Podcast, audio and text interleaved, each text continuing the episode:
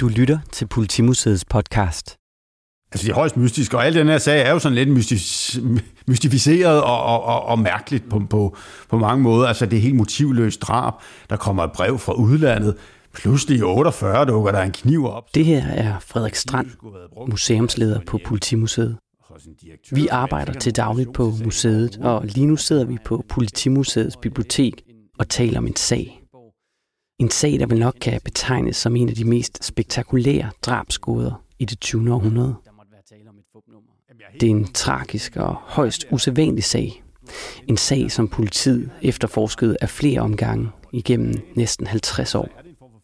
Men sagen er ikke kun interessant, fordi den er omgivet af en vis mystik, en række mærkværdige og ja, uforklarlige omstændigheder. Nej, den er også interessant, fordi den fik varig indflydelse på det danske politi. Ja, den fik faktisk betydning for tilblivelsen af det moderne, efterforskende politi.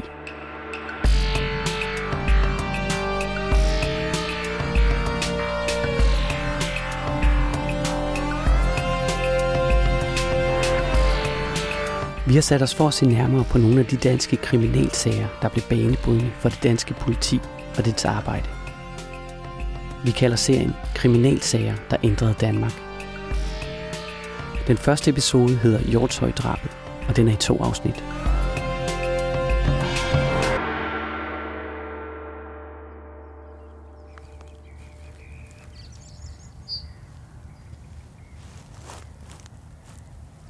Det er onsdag den 21. maj. Året er 1902, og vi befinder os lidt uden for Hjortshøj. En lille stationsby i Østjylland, der ligger små 13 km nord for Aarhus. Bynavnet Hjortshøj stammer egentlig fra navngivningen af en gravhøj, der ligger mellem Hesselballe og Gammel Hjortshøj, som byen har taget navnet efter. På en af indfaldsvejene til byen står en mand og ligesom spejder ud i landskabet. Manden han er korrespondent, en journalist udsendt af det københavnske dagblad Politiken. Han er langt væk hjemmefra, og han er travlt optaget. Han spekulerer og gør sig notater imens han med øjnene studerer området, grøften og vejen. Vejen den snor sig i landskabet fra Hjortøj til den lille landsby Hesselballe. Københavneren her er ikke den eneste journalist, der i de her dage er rejst til Hjortøj-egnen. Nej, også Aarhus Stifttiden er på pletten, og de har endda taget en fotograf med. Når bladhusene har prioriteret at sende korrespondenter til en snodet grusvej i Østjylland, ja, så skyldes det en tragisk hændelse, der havde fundet sted mindre end en uge for inden. Den udsendte politikens journalist rapporterede hjem til sin avis per telegram om sagen. Hvor mærkelig er ikke denne hulvej? Mod syd udsigt over et stort bakket landskab. I baggrunden blåner Kaløvig. Men så lunefuldt kuperet er terrænet, at kun den, der stod i Hjortøj kirketårn, har kunnet være vidne til udåden. Mod nord tager bakken udsigten. Alligevel, hvor vanvittigt dristig ved højlys dag på offentlig vej at øve morderens håndværk. Sådan lyder et citat i politikken fra den 22. maj 1902. Og Frederik, hvad er det for en sag, som øh, reporterne fra politikken er ude og kigge nærmere på her? Ja, det er en af de øh, allerstørste sager øh, før 2. verdenskrig, som politikken har sendt reporter ud til og det er det såkaldte Hjortøj-drab. Drabet på Marie Sørensen i maj 1902. Øh, hun blev slået ihjel den, øh, den 16. maj øh, på meget, meget mystisk vis. Øh, hun er på vej øh, hjem fra højskolen, hvor hun går i Hesselballe. På vejen hjem der, øh, hun er, øh, er på vej hjem til sin øh, øh, fars gård, øh, hvilket hun jævnligt gør. Øh, I øvrigt går fra højskolen til, til farens gård for at simpelthen at, at øh, spise frokost der. Og undervejs på vejen hjem, der bliver hun trukket ligesom bort fra vejen og får skåret halsen over og lagt ud i, øh, i vejkanten. Så det er det, vi er altså vidne til her, øh, da politikken har sendt reportere ud. Det er det her drab, de forsøger at, øh, at afdække. En frygtelig skæbne er altså overgået en 22-årig studerende ved Hesselballe Højskole. Marie Sørensen hedder hun. Det er særligt nogle af de mærkværdige omstændigheder omkring drabet, der har tiltrukket journalister fra nær fjern. Den udsendte politikken korrespondent beretter i telegram hjem til København. Det er nu muligt at danne sig et fuldstændigt billede af det voldsomme drama. Skyerne driver tungt for blæsten, der tuder mellem bakkerne. Regnen pisker hissigt. Vandstrømme skærer hulvejens grus. Den unge pige strider sig frem over bakkekammen ned mod landsbyen, da en mand springer ud af den lille kratskov, løber over vejen og stanser hende. Hvilke ord, der har vekslet imellem dem, ved endnu ingen. Men han har pludselig hugget en kniv i hendes hage. Sanseløst styrter hun ned ad vejen. Hun når kun et par fagne, så har han kastet hende næsegrus mod jorden. Han har stemt sine knæ mod hendes ryg, og har med to-tre snit ført med vild kraft flænget struben lige ned til nakkebenet, så blodet er væltet ud over den opblødte jord. Derpå har han taget hendes spinkle skikkelse i sine arme og har båret hende op over hulvejens kant, sat hende med ryggen op mod en gammel udgået egetræstamme og har knappet hendes dame over stykker højt op i halsen og er flygtet bort over markerne. Du kunne minde om i hvert fald en form for rituel drab. Øh, hun bliver, altså som sagt, så får hun skåret halsen over, og så bliver hun trukket øh, ud i, øh, i vejkanten. Hun bliver lagt bag nogle buske faktisk. Øh, og derude, der øh, bliver der placeret forskellige genstande omkring hende. Hun har haft noget med, hun har haft en paraply med, det regnvejr på det her tidspunkt her. Hun har købt en flaske snaps til sin far, og det bliver placeret ved siden af hende, så er det sådan, hun har fået skåret halsen over. Men det bliver dækket til. Hun har en blonde krave på, og den bliver ligesom skubbet op sådan, øh, over halsen, så man ikke kan se, hvor hun er blevet øh, snittet. Øh, og hun har også en hat på, og den bliver også ligesom sat på hende. Øh, Øhm, og så bliver hun placeret på et øh, blomstertæppe nærmest. Øh, det ser ud som om, hun specifikt er placeret der. Så alt det her, det gør jo, at øh, man tænker, er det her på en eller anden måde rituelt? Er der nogle symboler, som gerningsmanden øh, forsøger at sende videre ved at placere hende på den her måde her? Så, så, altså, så, så det, det forlyder, det er øh, i pressen også efterfølgende, det er, at der kunne være tale om en form for rituel drab. På det her tidspunkt, der ser politiet noget anderledes ud, end det gør i dag. Hvad gør man i sådan en sag generelt, men hvad gør man også specifikt i forhold til at tilkalde hjælp? Ja, det man også skal sige, det er, hvad gør man ikke? altså, det der er problemet i forbindelse med, med, med sagen her, eller det som sagen afdækker, og det der gør, at den her sag, den bliver stor, øh, og den får varig indflydelse på politiet, det er, at det bliver afdækket, at politiforholdene på landet er meget mangelfulde. Sagen er den, og på det her tidspunkt her, der har vi ikke et enhedspoliti i Danmark. Politiet er organiseret kommunalt. Og det vil sige, at op igennem 1800-tallet, der har politiet udviklet sig meget forskelligt øh, rundt omkring i landet.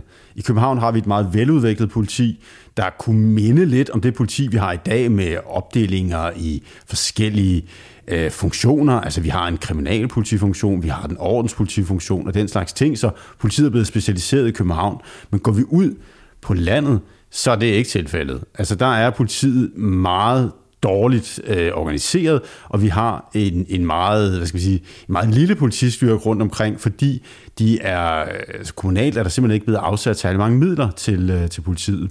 Så der er en lokal landbetjent, som skal varetage ordenspolitifunktioner, og meget andet også i øvrigt, og også varetage efterforskning. Så man skal altså tænke på, det er meget, meget primitivt. Og de her efterforskere, eller landbetjente, det er forkert at kalde dem efterforskere, de er overhovedet ikke sat ind i den udvikling, som efterforskningen jo har gået igennem på det her tidspunkt her. Altså efterforskningen gennemgår en revolution lige præcis på det her tidspunkt her.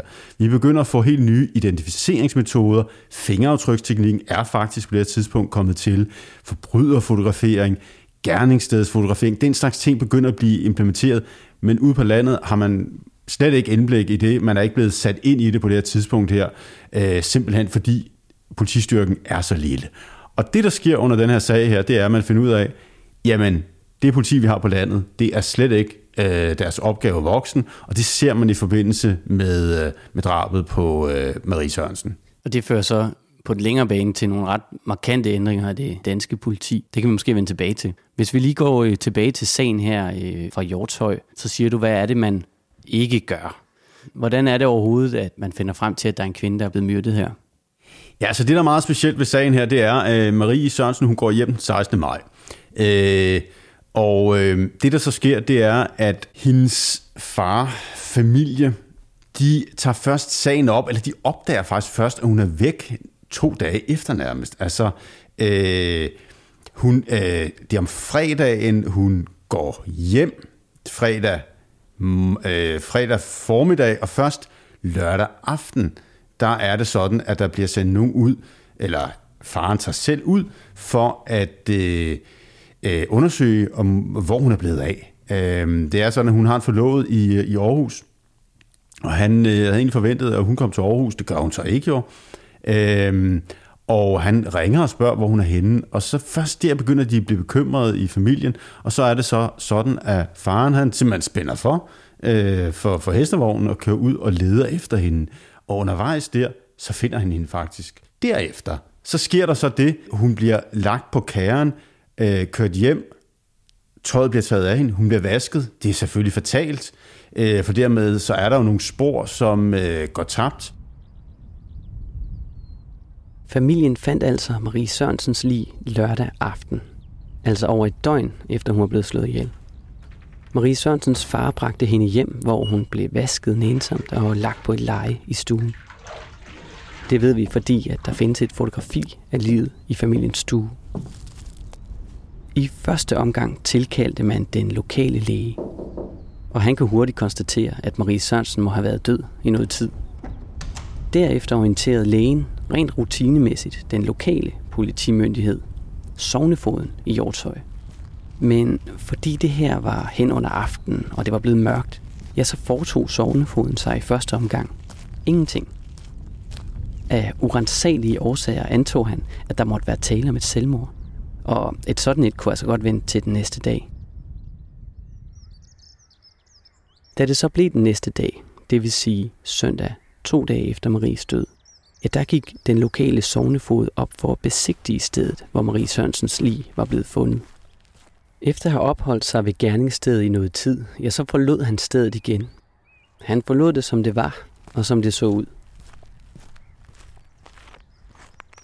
Da den lokale sovnefod kom hjem igen, ja, så telefonerede han til landbetjenten i den nærliggende by, Hornslet. Landbetjenten mente, at sagen her den krævede involvering af den øverste myndighed på egnen. På det her tidspunkt var det herredsfoden i Randers. Den rigtige herredsfod i Randers var godt nok på et udlandsophold på det her tidspunkt. Men i stedet var indsat en konstitueret herredsfod, som vikarierede midlertidigt. Op af eftermiddagen om søndagen forsøgte landbetjenten at få fat på den her konstituerede herredsfod i Randers. Men det var ikke lige til. Foden havde ikke nogen telefon, og et forsøg på at sende et telegram lykkedes ikke, da det var pinse. Kommunikationen måtte altså klares på en måde, som man havde gjort det i århundrede, med et ridende bud.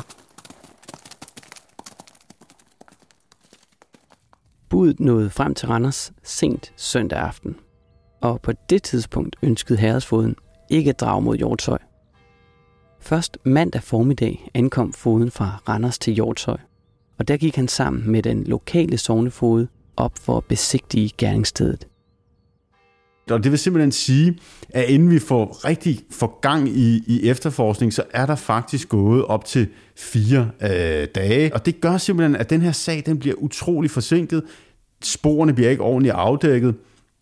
Og det skaber ligesom øh, problemerne efterfølgende, for som man jo taler om, så er det sådan, at en drabsefterforskning, den skal jo helst gå i gang relativt hurtigt. Man taler om de her 48 timer, det er måske ikke altid nødvendigt, men så hurtigt som muligt. Og det er jo også sådan, at, øh, at den lokale befolkning hører jo om det her. Det begynder, altså rygtet bliver spredt, der er en, en pige, der er blevet slået ihjel her. Øh, og de begynder at valgfare til området for at se, hvad der egentlig sket. Øh, og det betyder så, at de spor, som er på gerningsstedet, øh, de bliver jo også sådan øh, gradvist mere og mere ødelagt, så man kommer ikke hurtigt nok i gang. Simpelthen fordi, at folk de øh, vader rundt på gerningsstedet. Altså i dag, når politiet kommer ud, så det første, man jo gør, første mand på stedet, er at spære det hele af og inddele det i en indre og en ydre såkaldt perimeter, for man netop så kan systematisk undersøge de her spor, men det er jo fuldstændig ødelagt her. Fuldstændig, og man har heller ikke nogen forståelse af, øhm, altså, hvordan man skal afdække, og at det er vigtigt at bevare tekniske spor. Altså, det, det, har, det har man ingen forståelse for, fordi øh, politiet øh, i landkommunerne simpelthen ikke er blevet sat ind i det. Så det bliver ikke dækket ordentligt af, det bliver ikke afskærmet, og folk trænger ind på området. Øh, og det er med til at, øh, ja, at, at skade efterforskning betydeligt. Og det er jo også sådan, at øh, medierne, øh, de er jo meget interesserede i den her sag her, og øh, Aarhus Stiftstidende, de er faktisk deroppe, der efterforskning sådan mere eller mindre starter op, og de tilbyder, at de kan tage et fotografi af, af gerningsstedet. Men det afslår øh, herredsfoden jo. Øh, det er ikke nødvendigt. Man skal hjem og føre til protokol, siger han. Og det vidner jo om, at man ikke har en forståelse for, at det er vigtigt at få dokumenteret gerningsstedet. Ja, fordi øh, han havde ikke selv kamera. Han havde ikke selv kamera, nej. Øh, så journalisterne de spørger, om de kan assistere. Præcis, ja, fordi de ikke selv har de tekniske redskaber, har ikke selv et kamera, så er det sådan, de siger, vi kan da godt tage et billede af det. Og der tænker man jo også, det er meget primitivt det her. Men at han så afslår, det er jo også noget, man ikke forstår øh, rundt omkring i landet øh, efterfølgende. Hvorfor afslå det her? Hvorfor ikke få det her fotografi, så man egentlig også får et indtryk af det her meget specielle gerningssted? Fordi det er jo også et stort problem, at vi ved jo faktisk ikke, hvordan gerningsstedet har set ud. Det gør vi jo ikke. Ser vi på nogle af de andre store drabsager, for eksempel dobbeltmordet på Bangsvej og lignende, så har vi jo fotos fra gerningsstedet, ved hvordan det har set ud. Det ved vi ikke her, fordi politiet simpelthen afslår at få taget et egentligt fotografi af af, af området. Og nu var det her indledende citat, som jeg læste op, det var så også fra politikken, så altså også de københavnske dagblade, eller i hvert fald politikken, tager simpelthen til den her lille by og snakker med Gud og hver mand. Kan du sige lidt mere om den her, øh, den her mediedækning, og hvordan den øh, udvikler sig? Ja, det der er meget specielt ved, ved den her sag her, øh, det er jo, at den falder sammen med selve mediernes opblomstring. Altså, der kommer flere og flere aviser til på det her tidspunkt her. Og aviserne skal jo have stof. Øh, og hvad er bedre stof end kriminalhistorier? Og så er der det her mystiske, gådefulde drab. En helt ung pige, uden nogen, hvad vi ved af, fjender, øh, som bliver myrdet på mystisk vis, måske endda på rituel vis. Altså det er jo virkelig en, en, en sag for de her nye medier. Så derfor så er det sådan, fordi de også mangler stof, så er det noget, de fokuserer meget på her. Og dermed så bliver den her sag også øh, vel egentlig den første drabsag, som virkelig øh, eksploderer i medierne. Øh, og derfor får den også så meget omtale. Altså man ser, her ser medierne, de nye medier, som har brug for stof, en sag, som de kan køre. Og det får indflydelse på mange forskellige måder. Det betyder, at pludselig så kan aviserne profilere sig på den her sag her. Journalisterne kan også profilere sig. De kan jo dukke op på stedet og sige, se her står jeg, jeg dækker det her område her. Altså New Journalism øh, taler om, begynder at vokse frem her i, i Danmark. Det er et koncept, man senere bruger i USA inden for journalistikken, hvor, hvor øh, journalisten så at sige sætter sig selv i, øh, i, i, i, øh, i centrum og fortæller om, omkring, hvad der foregår her og så videre. Øhm, så det vokser frem, og så ser vi også, at den myndighedskritiske journalistik vokser frem her. Man siger jo, hvorfor har myndighederne ikke gjort nok? Øh, hvorfor har man ikke grebet til det og det og det? Hvorfor har man lavet alle de her fejl her? Så det er også noget, man ser her i, i den her sag, at den myndighedskritiske journalistik gradvist begynder at øh, vokse frem. Telegram fra politikens udsendte korrespondent i Hjortshøj. Men det er uden tvivl, at skal mysteriet nogensinde opklares, må erfarne skabsindige opdager have sagen mellem hænderne. Denne hændelse er værdig en poets fantasi og kræver en Sherlock Holmes for at blive opklaret. Hvis det her drab var blevet begået i Københavnsområdet, så har man sat det københavnske opdagelsespoliti på sagen. Allerede i 1863 havde man indført en stor og omfattende politireform i København. Og med den havde man for første gang fået såkaldte opdagelsesbetjente. Altså politifolk, der skulle forsøge at opdage og opklare forbrydelser. Vi kunne også kalde dem detektiver. Altså begrebet detektiv begynder at opstå på det her tidspunkt her, og det bliver sådan virkelig omgæret af mange forskellige myter og, og, og, og ja, også berømmelse op igennem 1800-tallet. Så når man taler om denne her Sherlock Holmes, så henviser man jo også til det her nye opdagelsespoliti, man har fået, så man har en stor mm, tillid til og forhåbning om vil kunne løse alle opgaver, øh, fordi de har nogle helt nye efterforskningsmetoder og er specialiseret lige præcis inden for det her. Så det man jo egentlig efterspørger, det er dem her, de her skarpsindige snu opdagelsesbetjente, der nærmest på kunstnerisk vis kan lægge tingene sammen og komme med løsningen på denne her gåde her. Altså derfor henviser de selvfølgelig til, til Sherlock Holmes, der ved hjælp af sin logik ligesom øh, løser øh, alle problemer, man så må sige. Og det forventer man jo også, at, at, øh, at opdagelsespolitiet øh, kan. Lad os lige vende tilbage til, til sagen en gang her. De kommer umiddelbart ikke nogen øh, vegne, den her herredsfode og den her landbetjent.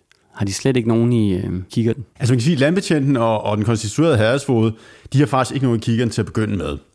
Øh, og, og i virkeligheden så, så sejler sagen, det må, det må man være ærlig at sige.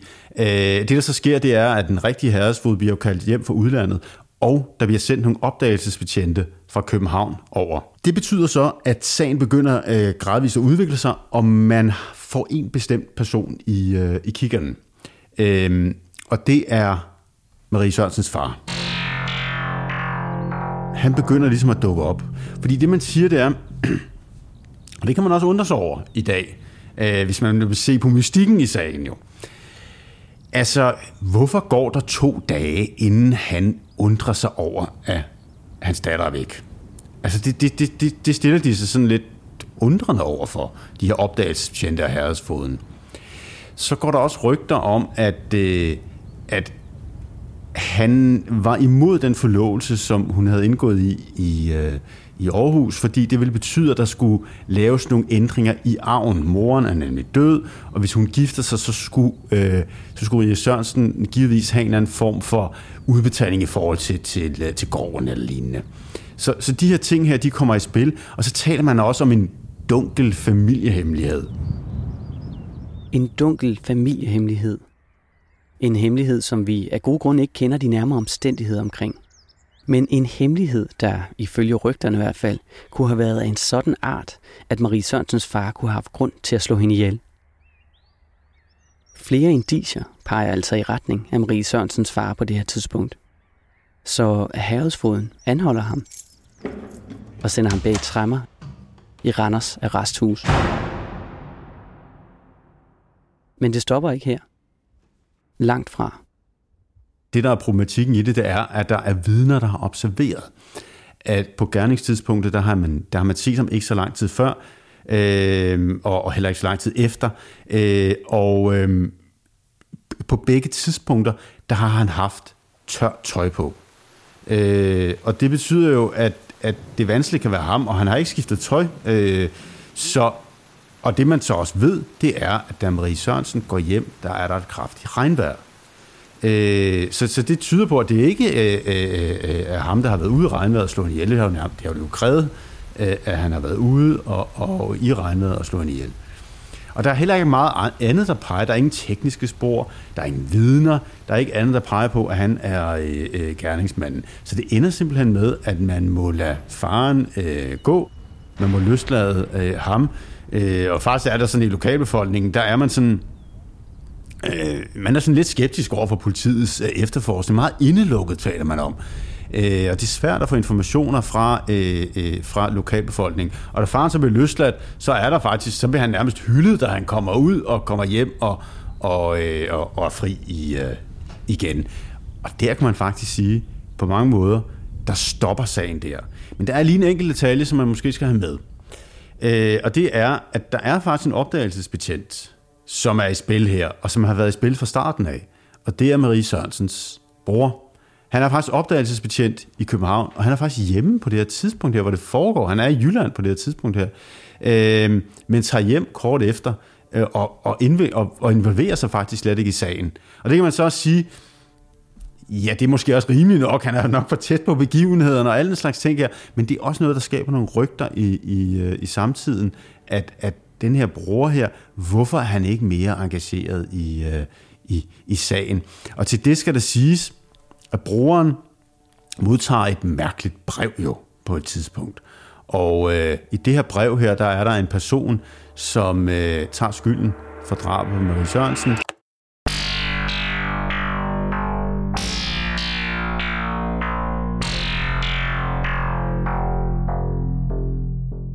Okay, lad os lige samle op her en gang. Den 22-årige Marie Sørensen bliver dræbt fredag den 16. maj 1902 under mystiske omstændigheder. Hun var på vej hjem fra hendes højskole i Hesselbale til hendes hjem i Hjortshøj. Efter drabet bliver hendes lig flyttet og nærmest rituelt placeret på en blomsterseng under et træ. Vi ved reelt ikke, hvordan gerningsstedet så ud, fordi familien bragte Marie Sørensen hjem, efter de havde fundet hende om lørdagen. Og en egentlig efterforskning kom først op at køre flere dage efter drabet. I første omgang ja, der pegede en række indicier på hendes far. Han blev så anholdt og sidenhen løsladt grundet mangel på håndfaste beviser. Vi får nu at vide, at Marie Sørensens bror er opdagelsesbetjent i København. Han er altså en af de relativt få detektiver, som det danske politi råder over i København. Broren har kortvarigt opholdt sig i Jylland i dagene, hvor drabet det skete. Men han har ikke rigtig budt sig til under den efterforskning, som de lokale myndigheder er i gang med. Han er på et tidspunkt efter drabet godt nok kortvarigt oppe ved gerningsstedet sammen med foden, men han tager altså alligevel tilbage til København igen kort efter. Og da broren så er kommet hjem til hovedstaden igen, ja, så modtager han et mystisk brev fra en ukendt person. En person, der tilstår at have dræbt Marie Sørensen.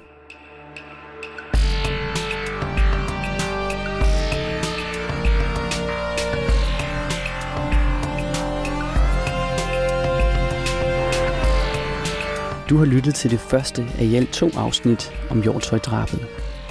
En del af Politimuseets podcastserie om kriminalsager, der ændrede Danmark.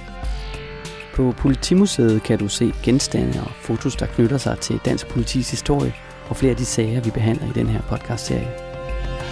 Historien er tilrettelagt og klippet af mig. Jeg hedder Anders Brandt Lundær, og jeg har også skrevet musik og lavet lyddesign til podcasten. På genhør.